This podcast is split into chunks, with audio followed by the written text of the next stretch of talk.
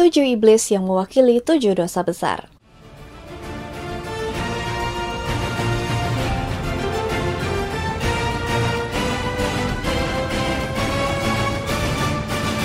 Kali ini aku mau bikin persimbolan dari masing-masing dosa. Iblisnya. Iblis ini adalah makhluk yang paling jahat dari antara yang paling jahat. Jadi terjahatnya yang terjahat. Pokoknya paling jahat. Nah, di antara iblis-iblis ini ada yang paling menonjol, tapi bukan bakat. Wah, Jayus. Mereka adalah tujuh pangeran neraka. Mereka adalah otoritas tertinggi di neraka. Kekuasaannya jauh di atas iblis dan fallen angels lainnya. Sebenarnya, iblis-iblis ini adalah malaikat yang jatuh bareng Lucifer pas memberontak menentang Tuhan dan menciptakan perang di surga. Jadi, mereka tadinya tuh archangels. Cuman setelah jatuh dari surga, hilanglah kasih karunia. Masing-masing makhluk pun berubah menjadi iblis keji yang mengerikan. Mereka jadi rekan, dan mereka juga merupakan rival dari tujuh malaikat agung. Setelah perang surga, Fallen Angels yang jadi iblis mutusin bahwa mereka butuh bentuk pemerintahan dan pengen berkuasa. Mereka saling bersaing, tapi nggak diragukan lagi yang paling berkuasa pada saat itu adalah pemimpin dari para Fallen Angels, Lucifer. Dia bikin yang lain tunduk di hadapannya. Dia juga pengaruhin iblis lainnya pakai bujukan, suap, dan intimidasi. Selama bertahun-tahun, neraka diorganisir sama Lucifer. Dia bikin dewan yang disebut tujuh pangeran, di mana tujuh pangeran terkemuka ini bakalan memerintah atas wilayahnya masing-masing. Tiap pangeran bertanggung jawab atas rakyat dan tanah mereka sendiri. Seiring waktu, mereka tumbuh kuat dan menguasai seluruh neraka. Seperti yang kebanyakan dari kita tahu, neraka ini adalah tempat yang mengerikan. Isinya adalah rasa sakit dan penderitaan forever, selama-lamanya. Jiwa yang masuk ke neraka ditakdirkan untuk menderita selamanya, tanpa henti. Dalam beberapa variasi, Lucifer adalah rajanya. Tapi dalam versi lain, setanlah penguasa sejati. Lucifer jadi yang kedua, wakilnya. Akhirnya, setan memulai pembalasan terhadap Tuhan dengan menggoda manusia untuk berbuat dosa. Digodalah manusia dengan masing-masing dari tujuh pangeran menjadi representasi fisik dari tujuh dosa mematikan, yaitu kesombongan, murka, keserakahan, kerakusan, iri hati, nafsu, dan kemalasan. Meskipun gak disebutin secara eksplisit dalam kitab suci, tapi banyak sarjana yang coba ngulik ide yang menarik ini selama 600 tahun terakhir. Peter Binsfeld mengklasifikasikan ketujuh iblis ini dari tujuh dosa mematikan. Peter Binsfeld sendiri adalah seorang uskup Jerman dan seorang sarjana agama yang lahir di Jerman pada tahun 1545. Dia dianggap sebagai orang yang cerdas, ahli dalam agama, dan unsur supranaturalnya. Dia menulis sebuah karya berpengaruh berjudul The Confessions of Warlocks and Witches tahun 1589 yang berisi pengakuan dari orang-orang yang diduga sebagai penyihir. Di kekacauan tentang penyihir ini, dia menerbitkan daftar iblis yang dia yakini sebagai pangeran atau penguasa neraka. Menurut Binsfeld, tujuh dosa mematikan itu lebih dari sekedar kejahatan yang mematikan. Dia percaya di balik dari masing-masing dosa ini sebenarnya ada iblis. Jadi, siapa aja iblis-iblis itu?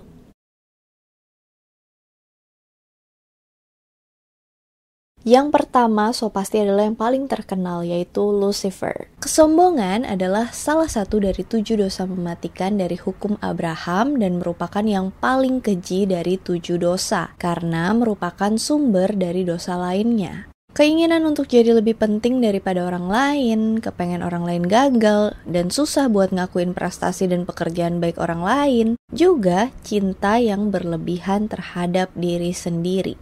Lucifer terkenal sebagai makhluk yang paling indah dari semua makhluk surgawi, dan karena dia punya begitu banyak kualitas, dia pun jadi sombong. Lucifer ini adalah salah satu malaikat yang jatuh dari surga, terkenal sebagai The Fallen Angel. Kesombongannya tuh wahid banget di atas rata-rata, makanya dia sampai halu. Dia percaya bahwa dirinya setara dengan Tuhan, maka dari itu dia bisa memerintah surga.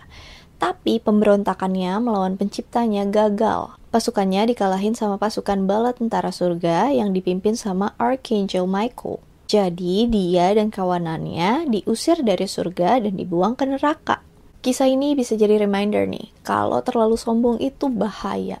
Nanti bakalan aku buatin video tentang Lucifer dan iblis-iblis lainnya, um, pangeran-pangeran neraka lainnya, secara mendetail videonya satu persatu. Jadi kalau di sini aku jelasin gak terlalu detail ya. Banyak yang anggap kalau Lucifer ini adalah penguasa dari tujuh iblis utama. Dan banyak juga yang anggap kalau Lucifer dan Satan itu sama. Tapi banyak juga yang gak setuju kalau Satan adalah pemimpin neraka. Setan. Dia dan Lucifer adalah entitas yang berbeda. Bahkan beberapa orang gantiin sosok Lucifer dengan sosok malaikat jatuh yang lain yaitu Azazel.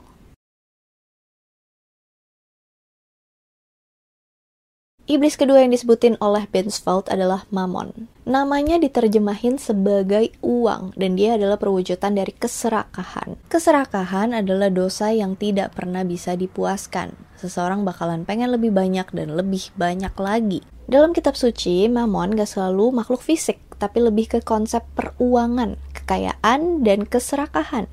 Seiring waktu, ini mulai berubah.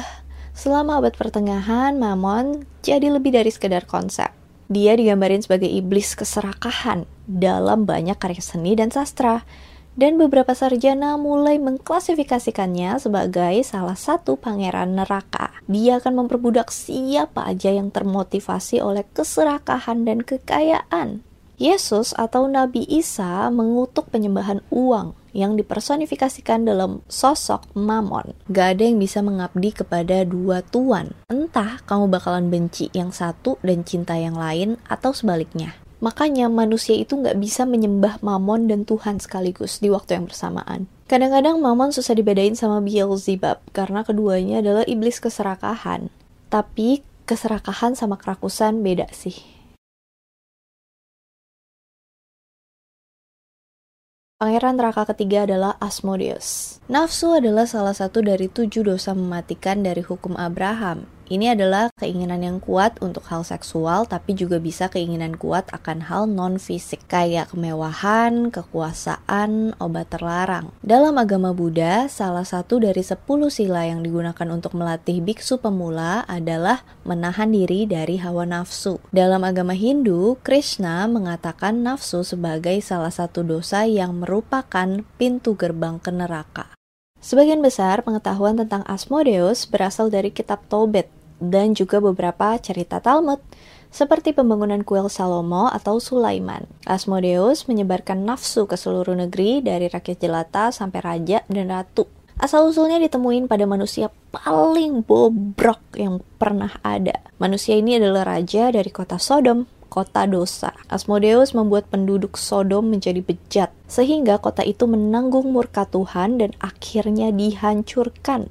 Dalam kitab Tobit, dia jatuh cinta sama seorang wanita, Sarah, dan mencegah Sarah menikah dengan orang lain. Dia juga membunuh tujuh suaminya pada malam pernikahan mereka, tepat sebelum mereka enak-enak. Suami ke-8 Sarah, Tobias, beruntung karena nggak bernasib sama. Dia berhasil ngusir iblis itu karena saran dari Archangel atau malaikat tertinggi Raphael. Dia bakar hati ikan di atas bara api, dan pas Asmodeus datang malam itu, baunya bikin dia nggak tahan dan dia kabur. Kemudian dia diikat sama Rafael. Dalam Talmud dan Testament of Solomon, ada bagian yang menyebutkan kalau Asmodeus itu menikahi Lilith dan membawanya sebagai ratu iblisnya. Penampilannya bervariasi, tapi sebagian besar berwujud makhluk hybrid, setengah manusia dan setengah binatang. Menurut Kabbalah, dia adalah Kambia, setengah manusia, setengah iblis. Ibunya adalah seorang succubus. Pangeran iblis keempat menurut Bensfeld adalah Leviathan, yang mewakili dosa kecemburuan, envy. Sebagian besar orang yang tahu Leviathan pasti terfikir monster laut yang sangat besar. Leviathan punya interpretasi dan makna sendiri di berbagai agama. Filsuf Italia dan Bapak Katolik Thomas Aquinas menggambarkan Leviathan sebagai iblis yang bertanggung jawab untuk menghukum mereka yang berdosa karena iri hati dengan cara menelan mereka seutuhnya. Leviathan juga sering dianggap sebagai perwakilan gerbang neraka. Dalam seni Anglo-Saxon, pintu masuk neraka dilihat sebagai mulut menganga dari monster yang dikenal sebagai Hellmouth. Leviathan sebagai makhluk ulat. ulat. fucuk, fucuk. Levi. Leviathan sebagai makhluk ular laut raksasa kemudian besar menjadi inspirasi dari Anglo-Saxon ini. Pangeran iblis kelima adalah Beelzebub, penguasa kerakusan. Bener ngomongnya, susah nyebutinnya. Nama lainnya adalah Lord of Lies atau Lord of Flying karena dia bisa terbang. Dia dianggap sebagai salah satu iblis yang paling kuat. Beelzebub adalah sosok yang bisa ditelusuri melalui berbagai peradaban dan agama. Dalam Testament of Solomon, dia adalah malaikat yang jatuh yang sering dikaitkan dengan Lucifer. Dia nggak punya domain tertentu, dia sering menyebabkan manusia menyembah setan dan saling menyerang. Juga nyerah sama keinginan yang nggak bisa ditahan juga nyiptain kecemburuan dan pembunuhan. Rasa laparnya nggak terpadamkan membuatnya menjadi pemakan yang nggak kenal lelah. Setiap dia melewati suatu daerah, daerah itu terkena tulah. Secara hierarki, Beelzebub berada di urutan kedua setelah Lucifer. Beelzebub adalah kepala letnan Lucifer. Binsfeld menganggapnya sebagai penguasa kerakusan, namun ada beberapa orang yang nyamain Beelzebub dengan dewa palsu, kesombongan, dan kecemburuan.